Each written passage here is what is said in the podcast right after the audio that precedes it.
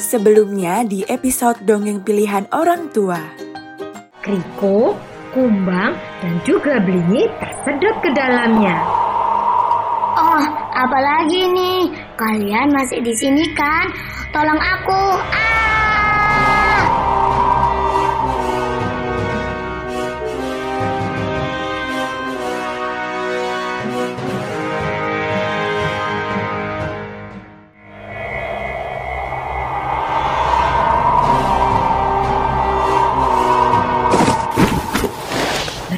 Jatuh bertumpuk-tumpuk. Suasana tampak begitu sepi. Oh, aku lelah sekali. Kriko menyika keringat. Begitu juga dengan Frosty si kumbang. Blingi juga terlihat lelah berdesing. Sayapnya mengepak lamban, namun dia masih terus bergerak.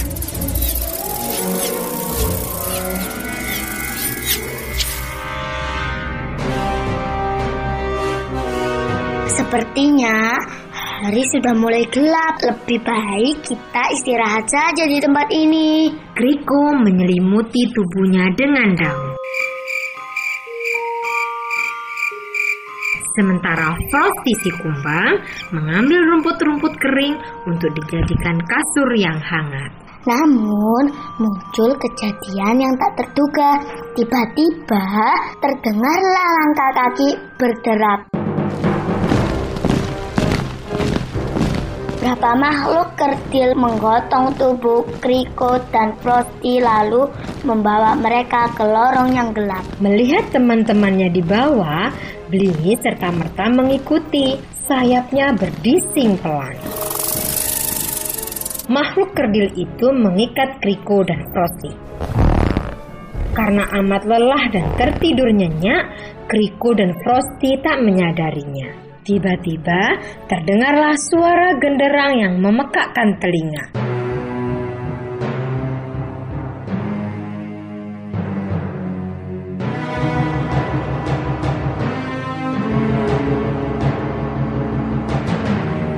Seketika itu pula, Kriko dan Frosty terbangun kaget. Hei, apa yang terjadi? Kenapa kalian mengikatku? Siapa kalian? Apa salah kami? Kriko dan Frosty meronta-ronta tak kalah panik. Selamat datang di Limpimbi, negeri para liliput. Kalian memasuki wilayah kami tanpa permisi. Liliput bertopi daun tampak mendekat. Karena kami lapar, kami akan memakanmu begitu matahari muncul. Liliput berambut keriting menyerai seram. Apa? Mau makan kami? Enak saja. Kalian akan kusihir menjadi eh eh mana itu? Eh eh Kata Kriko panik. Kau mencari ini. Liliput itu menunjukkan buku sihir Kriko. Sekarang kami mau tidur dulu. Besok pagi kami akan besar-besaran. Para liliput pun pergi tidur ke kamar-kamar mereka yang kecil dan gelap. Tiba-tiba Blingi terbang di sekitar mereka. Blingi, Blingi, kemarilah bantu aku. Setelah terlepas dari tali, mereka berjalan amat pelan saat keluar dari lorong liliput yang sempit dan gelap.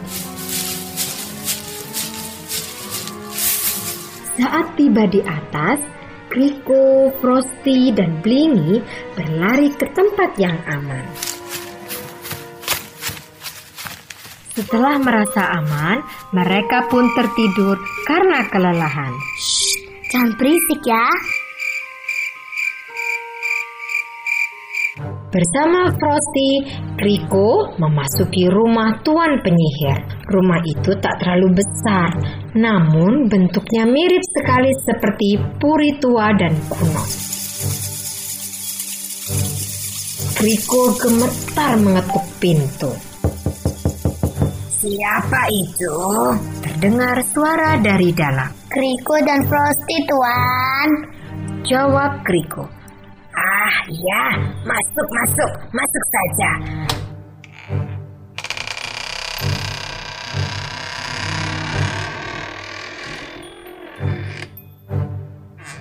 Mereka berdua memasuki ruangan. Tuan penyihir tubuhnya begitu tinggi. Badannya yang besar menutupi meja kecil di depannya. Dia sibuk meracik sesuatu.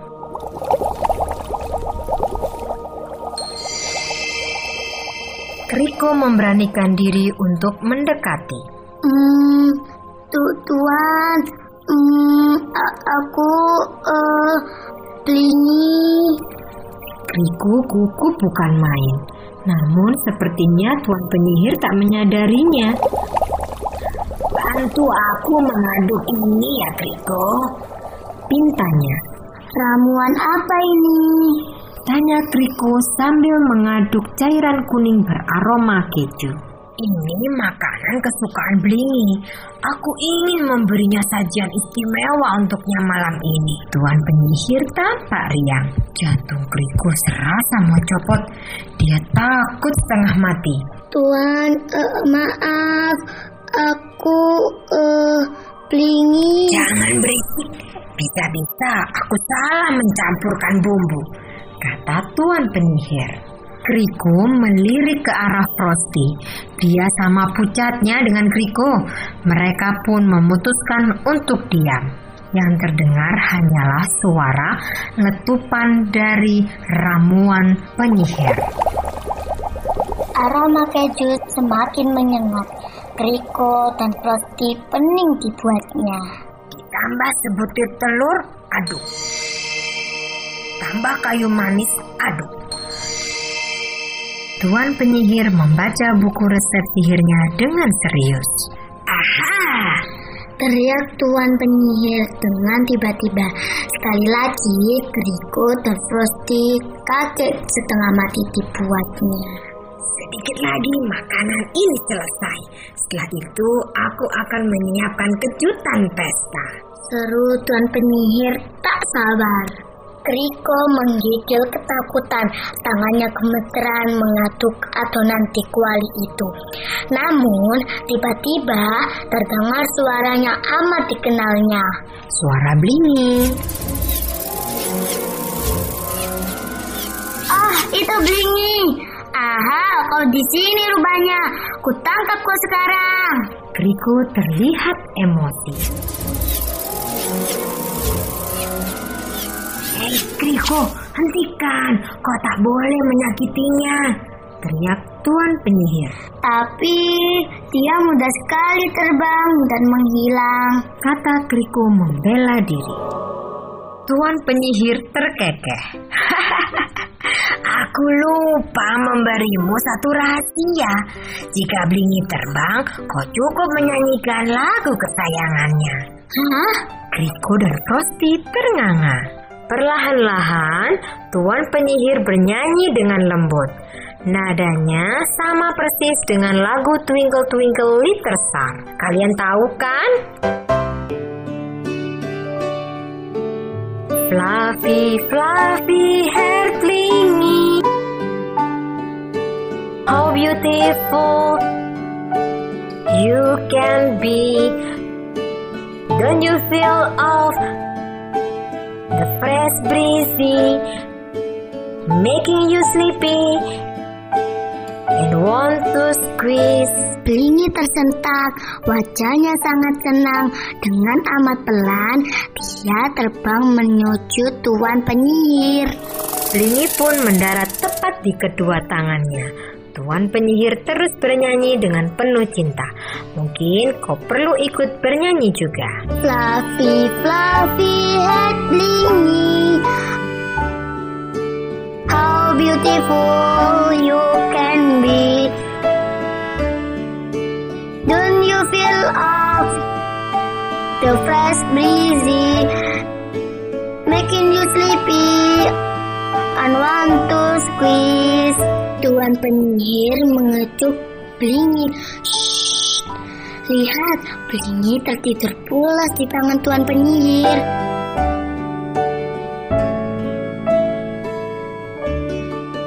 Nah, sekarang kau sudah tahu rahasianya, bukan? Kau tak perlu khawatir lagi jika membuka buku ini. Jika Blingi terlepas, nyanyikan saja lagu kesayangannya dengan lembut. Dia akan datang kepadamu.